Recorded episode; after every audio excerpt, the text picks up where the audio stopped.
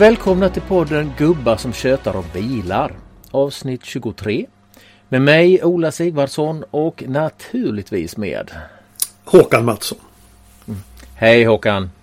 Hej! Du, nu vräker ju snön ner över stora delar av Sverige, åtminstone Mellansverige. Inte minst i dina gamla, din gamla hembygd. Ja, i alla fall i norra Gävleborg där såg jag att det var kaotiskt och i Dalarna var det kaotiskt. Och, ja. ja. ja. Har du varit uppe och, och kört i snön än? Alltså, har du varit uppe i Gävle på sistone? Ja, och eh, jag var uppe för ett par veckor sedan och då var det faktiskt snöstorm när jag körde ner eh, egentligen hela vägen från eh, ja, Älvkarleby, Dalälven ner till Uppsala. Och det var, det var stökigt alltså för det hade ju inte kommit igång någon snöröjning. Det var lite olyckor här och där. Det stod bussar vid sidan om. Och det var spårigt. Det var sån här snöslask. Eh, ett par tre centimeter. Så det var, det var en påminnelse. Men. Du hade vinterdäcken på? Jag hade vinterdäcken på. Jag har ju någon sorts perversion att jag lägger på dem väldigt tidigt. Början oktober. Innan det är kö på däckverkstäderna. så att eh, jag brukar vara förberedd. Nu kör jag i dubbfritt så att eh, ja, jag känner mig ganska trygg med att kunna lägga över och byta hjul väldigt tidigt. Mm. Ja, nej men jag är väl inte riktigt lika eh, duktig som du därvidlag. Jag menar min Volvo är här nere i Skåne där jag befinner mig nu. Och hjulen är uppe på Bilia Haga Norra så att menar, det är inte så mycket att göra annat än att köra upp när det är nej. snöfritt. Och vad det gäller BMW i3 så, som också är här nere i Skåne så eh, går den på sommarhjulen fortfarande. Men på fredag får jag alldeles nya fina vinterdäck Nokian Hakkapeliitta eh, för den facila summan av 10 200 kronor. Ja, nej men det är dyrt med däck. Det är ju så. Eh, och då kan man ju kanske förstå då att det fin finns en sån här poäng med att ha året runt däck. Men du innan, innan vi släpper det här med, med, med, med vinterdäcken. Alltså, finns det några speciella egenskaper hos hos däck som du vill prioritera? För det finns ju så många olika variabler när man tittar på vinterdäckstesterna till exempel.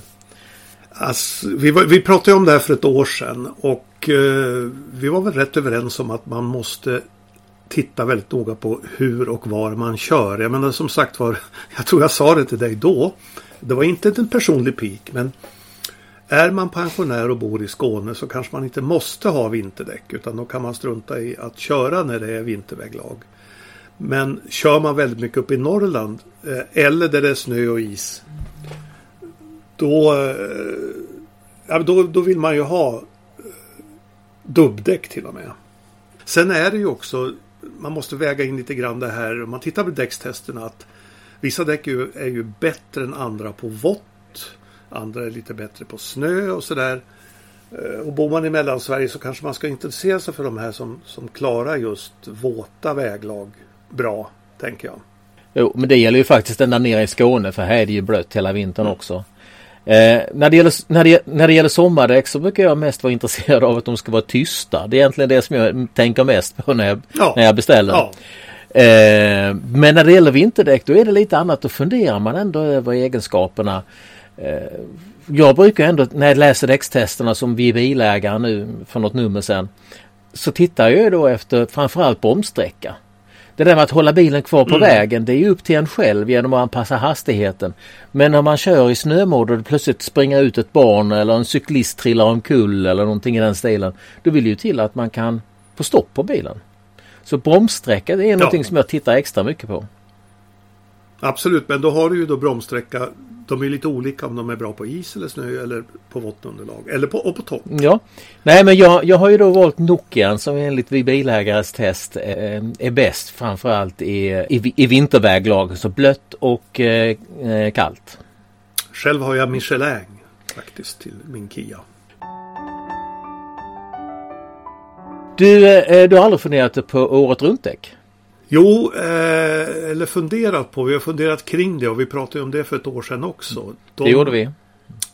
De blev väldigt populära och eh, eh, inte minst hos vårt ja, oftast största märke i Sverige, nämligen Volvo. Som när de kom med elbilarna skulle ha året runt däck på, eh, på alla sina bilar. Så att man inte skulle behöva byta. Recharge som kallas det. Ja, det blev ju väldigt omdiskuterat det där. Uh, jag menar gamla hedliga däckstestare de dömde ut den där strategin totalt. Det här var väl någonting som Håkan Samuelsson drev på sin tid för att få ner leasingpriserna bland annat. Så man slipper betala, vad var det, 10 219 kronor eller vad du betalar. Precis. Eller att det ska läggas på leasingen. Uh, men det intressanta, nu har det ju kommit en undersökning om de här året runt däcken som som sagt, vi och däckstestare brukar säga att de är dåliga jämt. De är dåliga på vintern och dåliga på sommaren. Och nu har VTI testat dem. Men var det, var det inte det vi sa redan för ett år sedan att de är dåliga jämt? Jo. Och jag vet att jag sa att jag för min del vill i alla fall ha vinterdäck på vintern, sommardäck på sommaren.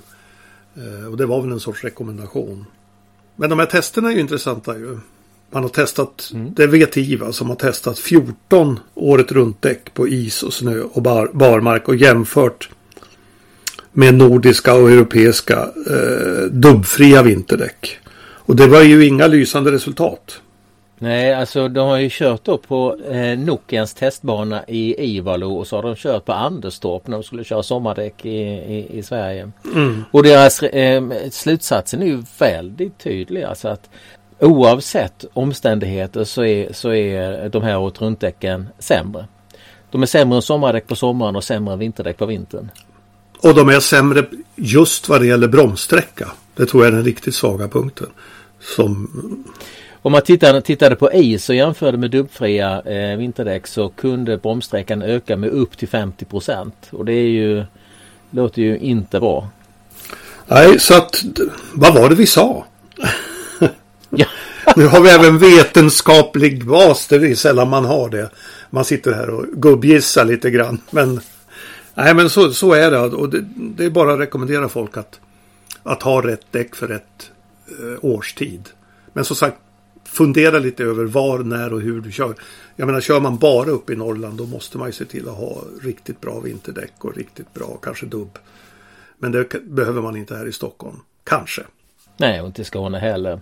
Men eh, det intressanta är tycker jag att, att vi är ju faktiskt en, en liten nyhet på spåren i det att vi kan nu avslöja här i podden att Volvo backar när det gäller eh, året runt-däcken till sina elbilar. Eh, jag ringde till eh, Magnus Holst som är presschef på Volvo Car Sweden eller Sverige. Och han berättade att de kommer att fortsätta ha recharge-däck på eh, de här bilarna eh, till och med årsmodell 24. Men när de börjar tillverka årsmodell 25 så går de tillbaka och levererar bilarna med sommardäck och det ska då inträffa någonstans vid årsskiftet så det är ganska nära förestående som de börjar tillverka den modellen.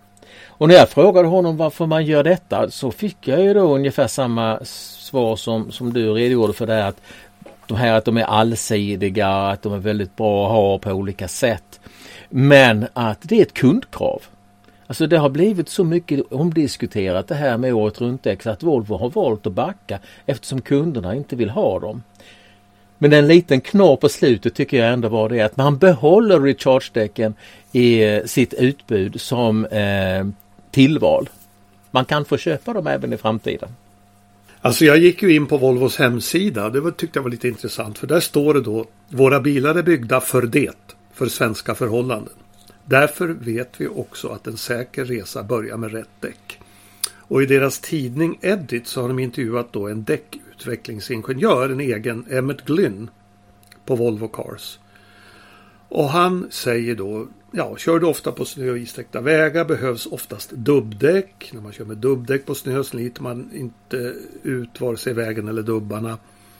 Om du bor på en plats där det sällan är snö och is rekommenderas odubbade däck, det vi kallar nordiska friktionsdäck.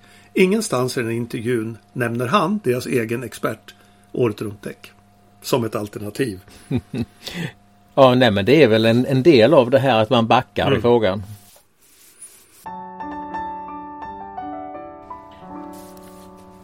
Du, ska vi ta och släppa däcken? Ja, men vi fortsätter med Volvo tycker jag. Absolut, för nu bara om några dagar den 12 november så lanserar ju Volvo en helt ny bilmodell. Alltså Ja, det är ju till och med en modelltyp som Volvo aldrig tillverkat för. Alltså eh, vad kan du berätta om EM90 Håkan? Ja men så här är det ju att den här biltypen var ju väldigt populär i eh, Europa och USA 80-talet. Sen så försvann den, ersattes väl egentligen av SUVar. Men den har ju alltid varit populär i Asien. Jag menar när jag har varit i Japan så har man ju sett de här bussarna. Ofta väldigt lyxiga. Eh, det är ju ingen dum, dumt sätt att åka i liksom. Det är gott om plats och man kan få fina fåtöljer och sitta bra. Så i Asien, i Japan och Kina har de varit väldigt populära. Alltså familjebussar, är det det vi kallar dem för på svenska eller? Ja, ja det här, de här bussarna jag tänker på det är ju lyxbussar på något sätt. De är ju Toyota Alphard är väl, var väl liksom, är ju, har varit marknadsledande. Nu har ju Lexus LM som är en sorts tvilling till den där Toyotan kommit och den kostar ju över 2 miljoner kronor i Kina. Mercedes har väl också någon va? Ja, ja men det finns fler. Maxus, alltså det, tänker, det är en el, eldriven sån här som också säljs i Sverige faktiskt. Mifa 9. Hyundai har en som heter Staria. Vi kanske kan räkna in Volkswagens ID Buss hit också. Så att det här är ju en trend som har funnits där. Och jag vet ju då att Li Chauffeau, eller Erik Li som han vill kallas, Geelys ägare och grundare. Han var ju på Volvo för ett antal år sedan att vi borde bygga en sån här minibuss. För då hade han sett en sån här Toyota Alphard och tyckte det var ju en kanongrej för Volvo. Men den dåvarande ledningen sa ah, mm, nej vi satsar nog på andra modeller. Men nu har han ju fått sin vilja igenom för nu kommer det ju en minibuss. Med i alla fall ett Volvo-emblem på. EM90. Men eh, den kommer ju inte säljas i Sverige. Tror du, alltså, kommer vi någonsin få se den i Sverige tror du? Ja, det är en bra fråga. Den ska ju bara säljas i Kina har man ju sagt. Eller den, det har de inte alls sagt faktiskt. De har sagt att den introduceras i Kina. Sen har de inte sagt så mycket mer.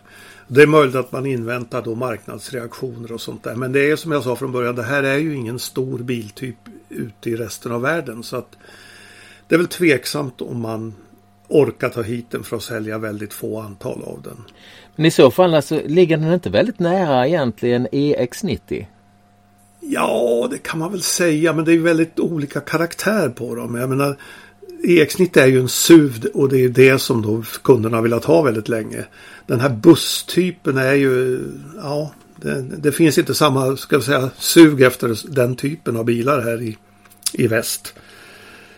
Så att, ah, nej, jag tror att det blir, eh, de kommer nog tänka efter både två och tre gånger innan de tar hit den där bilen. Ja, men du sa alldeles nyss att det var åtminstone en Volvo när det gällde alltså eh, varumärket. hur, hur tänker du då? Ja, det var, en lite, det var en liten passning där. Ja, men så här är det ju. Den här bilen har ju redan lanserats i fjol är det väl till och med. Under namnet Seeker 009. Eh, och den Volvo som nu kommer den är ju i allt väsentligt likadan. Det är grillen, det är bakljusen och emblemen som, som skiljer dem åt. I övrigt är det samma bil. Ja, strålkastarna fram också ju. Ja, fra, från, ja fronten. Mm. Och jag har suttit idag och försökt utröna hur det är med interiören. För att Volvo har släppt en sån halv bild idag eh, när vi spelar in det här. Och jag har ju försökt jämföra det med Seekers interiör. Det ser ut som exakt samma eh, i alla fall uppbyggnad av sätena, de här stolarna. Det kan vara lite an, annan stickning i, i själva liksom, i materialet och det är hög, alltså, högtalare i nackstöden på Seeker. Men i övrigt så ser det väldigt likadant ut. Ehm, så jag vill nog påstå att det är samma bil. Och det kan man väl göra. Men det som blir lite parodiskt det är att Volvo försöker marknadsföra det här som en äkta Volvo. Like any Volvo car, the EM90 is built around a strong safety cage. Alltså, det här är en äkta Volvo-säkerhet. Min fråga, har då Seeker 009 på något sätt sämre säkerhet? Nej men inom marknadsföringens värld så är ju allting möjligt. Inklusive konserverad gröt. Det är ännu värre tycker jag när de pratar om den skandinaviska interiören. Som Volvo också just idag då som sagt skickade ut ett pressmeddelande om att eh, Har du någonsin velat resa i en rymlig ska, ett rymligt skandinaviskt vardagsrum. Är rubriken. Ja, det vill man väl kanske. Och, och så här, kopplar de det här till det nordiska ljuset, svenska skogar och gryningsljuset på midsommar. Har Volvo Car i Sverige överhuvudtaget varit med i eh, utvecklingen av detta? Alltså, kan det, är det så att de har kanske jobbat sida vid sida, axel vid axel då, folket från Volvo och Seeker och så har det blivit likadana bilar? Eller är det en, eller är det en Seeker? Alltså grundtekniken är ju utvecklad i eh, Göteborg av SEVT, eh, bottenplattan. Mm. Det är ju den här SEA som den heter, Sustainable Experience Architecture. Men övrig utveckling har ju skett hos Volvo i Shanghai. Och den ska byggas i Kina. Och den är bara för kinesiska kunder. Så min fråga till dig då Ola. Är mm. detta en äkta Volvo? Nej jag tycker inte det. Eh, jag har ju sett bilder på den och jag har jämfört med, med Seeker ungefär så som du eh, har, har gjort och jag kommer ju fram till att nej det är nog inte en äkta Volvo utan det här är bara att byta märke i fronten och göra små förändringar. Dessutom, jag menar det som du säger, alltså den, den är utvecklad i Kina och eh, den ska byggas i Kina och till för den kinesiska marknaden och det kommer ha världspremiär i Kina. Ja, alltså det har ju ingenting med med Sverige att göra och det, i den pressrelease som skickades ut idag så var ju då något uttalande från Det var ju från Volvo i Shanghai om de här, det här fantastiska nordiska ljuset som den här bilen bjuder på. Som jag antar är likadant till en Seeker 009 för den har samma glastak den. Eh, alltså det där som sagt de får göra som de vill men det finns ju här risker tycker jag. För det första är ju, betyder det här att Volvo nu gå tillbaka till en, den strategi som inte funkade för 15-20 år sedan, nämligen att göra olika bilar för olika marknader. Då sa man ju, den, när det här startade om i Geely sa man nu ska alla Volvo-modeller kunna säljas på alla marknader. Det var ju en strategifråga. Nu är det inte riktigt så då, utan den här ska bara säljas i Kina. Ehm, det är ju ett, avsteg som man ändå kan liksom notera. Men sen är det ännu värre. Men är, är, är, det, är det marknadsrelaterat eller är det en fråga om tullar och ja. sådana saker? Som gör att man måste diversifiera sig. Ja, jag tror att det där kommer. Alltså, världsekonomin är ju inte så global längre utan nu delas ju marknaden upp lite grann och det, bilar kan vara olika på olika ställen det finns ju möjlighet att vi får se olika drivmedel på olika ställen. Till exempel om nu Japan fortsätter att envisas med vätgasspåret. Jag menar det är ju ingen annan. Det är väldigt svårt att tanka vätgas här eller i USA. Men det finns ju också en risk för varumärket Volvo. Om man blandar ihop allting inom Geely-gruppen. Tycker jag. Det var därför jag frågade, är detta en äkta Volvo? Vad är en äkta Volvo till slut? Jo men vi har ju sett många exempel på där man har gjort sån här rebranding eller vad det kallas för.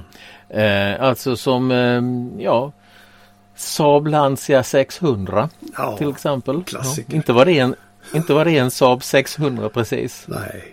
Överhuvudtaget Saab 9000 var ju ett projekt med tre andra bilar från Fiat-koncernen som ju under skalet var rätt lika varandra. Mm. Och en gång i tiden när jag var reporter på Norra Skåne i Hässleholm och skulle åka runt på reportage så körde jag i en Volvo 55 tror jag den hette. Men inte för sjutton var det en Volvo. Det var ju en DAF. Ja, det var den där första värsta DAFen. Usch. Ja, precis. Ett, ett och färskt exempel på hur man kan göra inom Geely-koncernen som just har stört mig. Det har jag väl tagit upp flera gånger om. Men det visades då en bild en bil i september 2020 som hette Lincoln Co Zero Concept. Och det sades väl då att det här är en typisk mm. Lincoln Co. Den har designen som en Lincoln Co har. Sen gick det ett halvår drygt till april 21. Då hette den här bilen plötsligt Seeker 001. Och den lanseras just nu i, i Sverige och Europa. Så att man bara bytte emblem på den, bytte märke på den. Fast den skulle... Och kan man då, mm. undrar jag, kan man då mm. hävda att det är en typisk Seeker-design? Alltså det som jag funderar mer på det är liksom vad, vad är det för signaler det här säljer ut? Att de har liksom köpt ett prestigemärke som Volvo. Det var ju helt unikt när, när Geely fick, fick, köpa eller kunde köpa Volvo. Liksom ett juvel i, i, i kronan. Eh, Och nu plötsligt så får man klistra på eh, ett, ett Volvo-märke mm. på, en, på, på, en bil från en, egentligen en annan tillverkare. Säger det här någonting om Volvos ställning i Geely tror du? Ja, vi har ju funderat på det förut. Man har lite svårt ibland att se vilken roll Volvo ska spela i koncernen. Inte minst med att de, de kommer med nya märken. De, har, de säger att Seeker är ett nytt premium elbilsmärke. Volvo kämpar för att bli ett premium elbilsmärke och det ska ske 2030. Eh, alltså det finns det blir en intern konkurrens och det kan bli svårt att sortera ut den tänker jag. Ja, men alltså sänder det signalen att, att Geely inte riktigt bryr sig så mycket om sin eh, juveler längre?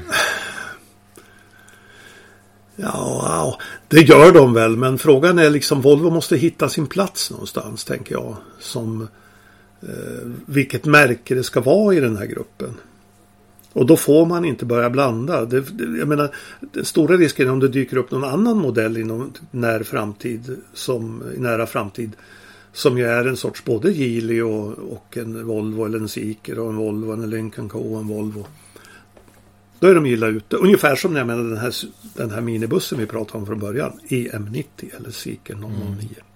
Jo framförallt skulle jag vilja säga att det skulle vara väldigt illavarslande om det skedde med en breddmodell. För den här EM90 är ju trots allt inte för, för en större publik, åtminstone inte i, i Sverige och Europa. Nej. Nej, och inte i Kina heller. Jag tror att den, de är dyra de där mm. bilarna. Inte familjebuss utan en direktörsbuss. Ja, jo, det är snarare så. Mm.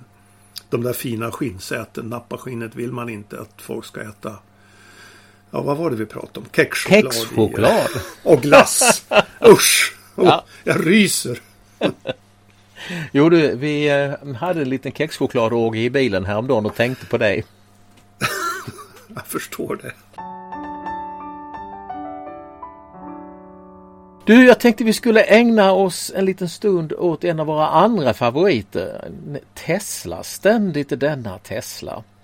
Eh, mm. Jag läste i Dagens Nyheter i morse en krönika på kultursidan av Elsa Kugelberg under den intressanta rubriken Håller det på rätt skamligt att köra Tesla?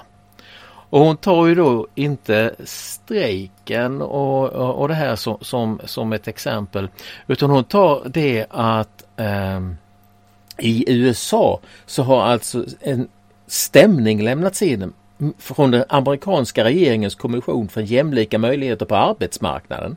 Och där anklagas Tesla för att ha tillåtit och understött öppen rasism i sina, eh, ja, i sina lokaler, i sin fabrik och så vidare. Och det är ju egentligen bara toppen av ett isberg för att om man tittar under de senaste åren så har det den ena konstigheten efter den andra dykt upp. Så jag tycker att Elsa Kugelbergs fråga. Eh, ska, vi ha Tesla-skam? De som äger dem eh, framöver. Vad, vad, vad, tror du Håkan? Ja, du och jag har väl haft det redan. Eh, jag känner mig väldigt skeptisk till Elon Musk. Han är ju en fantastisk entreprenör. Han har byggt upp ett antal företag, inte bara Tesla. Men han har ju också någon sorts störning som gör honom ganska osympatisk, tycker jag. Eh, jag vet inte om vi, hur lång lista vi hinner med eller vad jag kommer ihåg riktigt men eh, han hyser ju väldigt starka sympatier för Donald Trump uppenbarligen.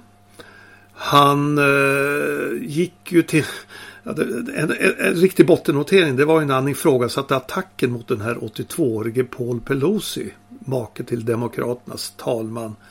Han blev överfallen i hemmet. Och då tweetade Elon Musk att det inte alls var så. Istället hade han varit berusad och hamnat i slagsmål med en manlig prostituerad. Den gamle 82-årige Paul Pelosi. Eh, inget av det där var sant. I början av pandemin hävdade han att barn var immuna mot covid. Han hyllar ju kryptovalutor. Han har ju marknadsfört Teslas bilar som självkörande i många, många år fast de inte är det. De är ju inte ens ledande på området längre. Om de någonsin har varit det.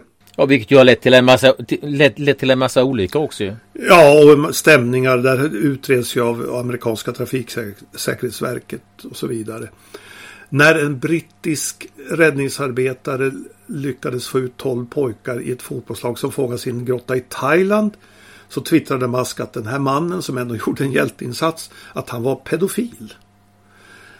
Eh, jag slår vad om en signerad dollar att det är sant, skrev han i sin nästa tweet. Och han har druckit, eller rökt marijuana i direktsändning när han varit med i radio. Så Han har ju en eh, personlighetsdrag som är osympatiska. Jag, jag roade mig och jag googlade på psykopat för flera år sedan. Och då visade det sig att det finns ju en expert på det här området, Robert D. Hare från Kanada. Som har gjort en sorts checklista för vad kännetecknar en psykopat och det finns 20 punkter. Och jag skulle vilja påstå att såväl Elon Musk som Donald Trump, de prickar alla 20. Så jag rekommenderar den som, jag kan läsa upp dem i och för sig, men jag rekommenderar istället att man går in och googlar på, på den här psykopattesten. Som börjar med man är, man är talför, ytligt charmig, man har grandiositet, man saknar ånger och skuldkänslor, bristande empati, patologiskt lögnaktig. Ja. Googla gärna. Ja. Jämför med verkligheten. Mycket, mycket intressant.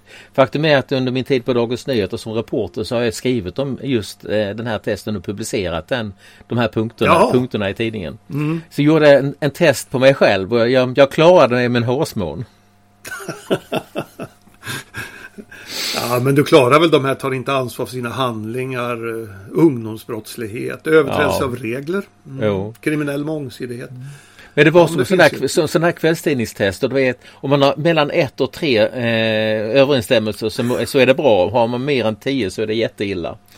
Men du, ska vi hoppa tillbaka till bilarna? Jag vill bara säga det, Elsa, Elsa Kugelbergs fråga är ju intressant.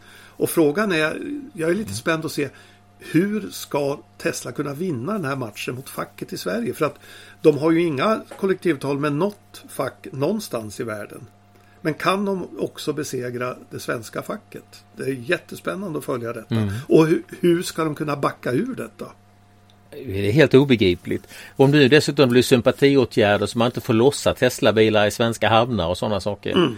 Eh, och vad jag tycker var också var intressant med Elsa Kugelbergs artikel det är det att hon sticker hål på det här med, med tron att, att så här är det i USA. Hon, hon skriver ju, jag, har inte kontrollerat det, men hon skriver ju då att det är tvärtom. Alltså att de allra flesta, till exempel biltillverkarna, har kollektivavtal i USA. Men Tesla är undantaget även där.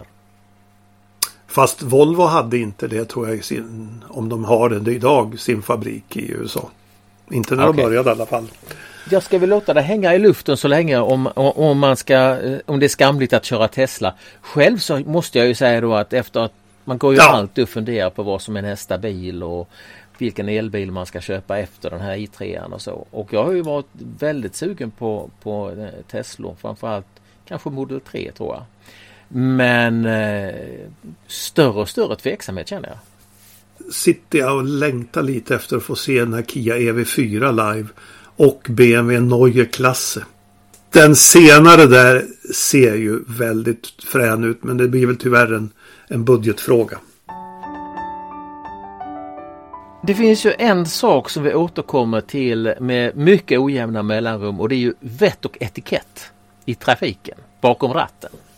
I det här fallet så har du, eh, har vi ju pratat om nu den senaste tiden, det här med parkeringsplatser. Berätta vad, det, vad som fick dig att reagera. Jag blir ju superirriterad på folk som kör för fort på parkeringsplatser och i p-hus. Jag förstår inte idén med detta. Jag blev ju nästan påkörd häromdagen av en person i en Lexus. I och för sig en gammal. Som körde väldigt fort på en gigantisk parkering utanför ett ICA Maxi. Jag menar det finns så gott om plats och vi behöver liksom inte krocka där. Mm. Och både du och jag har ju parkerat våra bilar en gång i tiden i ett P-hus i Marieberg. Där det ibland var smällde i P-huset. Absolut. Och körde för fort. Mm. Ja, jag blir så irriterad på det där. Det känns så otroligt onödigt. Vi har gott om plats. Ja, nej. Ja, jag, jag håller med dig. Och inte minst är det farligt för fotgängarna som befinner sig på parkeringsplatsen. Men alltså, eh, är det här reglerat på något sätt? Gäller högerregeln på parkeringsplatser? Ja, vi har ju tvungna att googla detta och ja, svaret är entydigt ja. Eh, ska jag läsa upp det här? När två mm. fordons kurser skär varandra har förare väjningsplikt mot det fordon som närmar sig från höger. Och lyssna noga nu. Högerregeln gäller överallt. Till exempel i trevägskorsningar, när du kör inne på parkeringsplatser eller på andra öppna platser, men även i terräng. Och fordon definieras då som en anordning på hjul, band, medar eller liknande som är inrättad huvudsakligen för färd på marken och som inte löper på skenor. Det betyder att man har ju väjningsplikt för en snöskoter till exempel. Mm. Hö högerregeln gäller. Men det finns ju, jag menar högerregeln verkar ju alltså vara en väldigt hård och allomfattande regel. Men det gäller ju inte cirkulationsplatser. Och nu, nu sa jag rätt för en gångs skull. Det gäller inte cirkulationsplatser. Eller hur? Nej, nej. Det fanns ju ett undantag. Vanadisplan i Stockholm hade ju ett, var ju undantag i många år. Mm. Eh, men nej, det gäller ju inte cirkulationsplatser. Men det här är ju ändå solklart vad det gäller stora parkeringar. Att kom, kommer man från höger så, så har man företräde. Eller rättare sagt man ska lämna väjningsplikt för de som kommer från höger. Så att det vore ju väldigt trevligt om folk gjorde det och slutade köra på varandra. För jag såg faktiskt, det smällde ju på den där parkeringsplatsen jag, jag pratade om för någon månad sedan när jag var där. Alltså, känns väldigt onödigt att köra på varandra på en parkeringsplats. Verkligen, verkligen. Vi eh, höjer ett varningens finger eller vad vi nu gör för någonting och säger bättring. Mm. Ja, vi utmålar oss som faktiskt väldigt präktiga tycker jag egentligen. Men okej okay då. ah, den, smäll, den smällen kan vi ta. Men du Håkan, med det är det dags att säga tack för idag. Nej, jag måste, Få, jag, jag, måste få släppa en siffra som jag studsade för här. Absolut. Vet, China Evergrande New Energy Vehicle Group, alltså Evergrande som ägde Nevs i Trollhättan. Mm. Men som gick, där allt gick över, överstyr när fastighetspriserna sjönk i Kina. De har nu kommit med sitt resultat och förlusten per såld bil blev 120 miljoner kronor. Per bil. Per bil? Är det Guinness rekordbok nästa då? Ja. Men med tanke på sådana förluster då kan man tycka så här, ja, ett paket Bregott att det nu kostar 70 spänn, det kan man ta liksom. Men 100, förlora 120 miljoner per såld bil. Det är ingen framkomlig väg. Nu är, nu är jag klar. Då så med det så eh, tänkte jag bara säga det att vi har ju en, eh, en mailadress som man kan höra av sig på om om man vill ha synpunkter eller idéer. Bilchat.gmail.com Och nu har vi ju dessutom börjat leka lite grann på Instagram, eller hur Håkan? Ja! Eh, så att de som är, är, tycker det är kul kan gå in och titta på eh, gubbar som sköter om bilar på Instagram. De få bilder som vi har lagt upp än så länge. Och med det tänkte jag säga tack för idag Håkan. Ja men tack själv.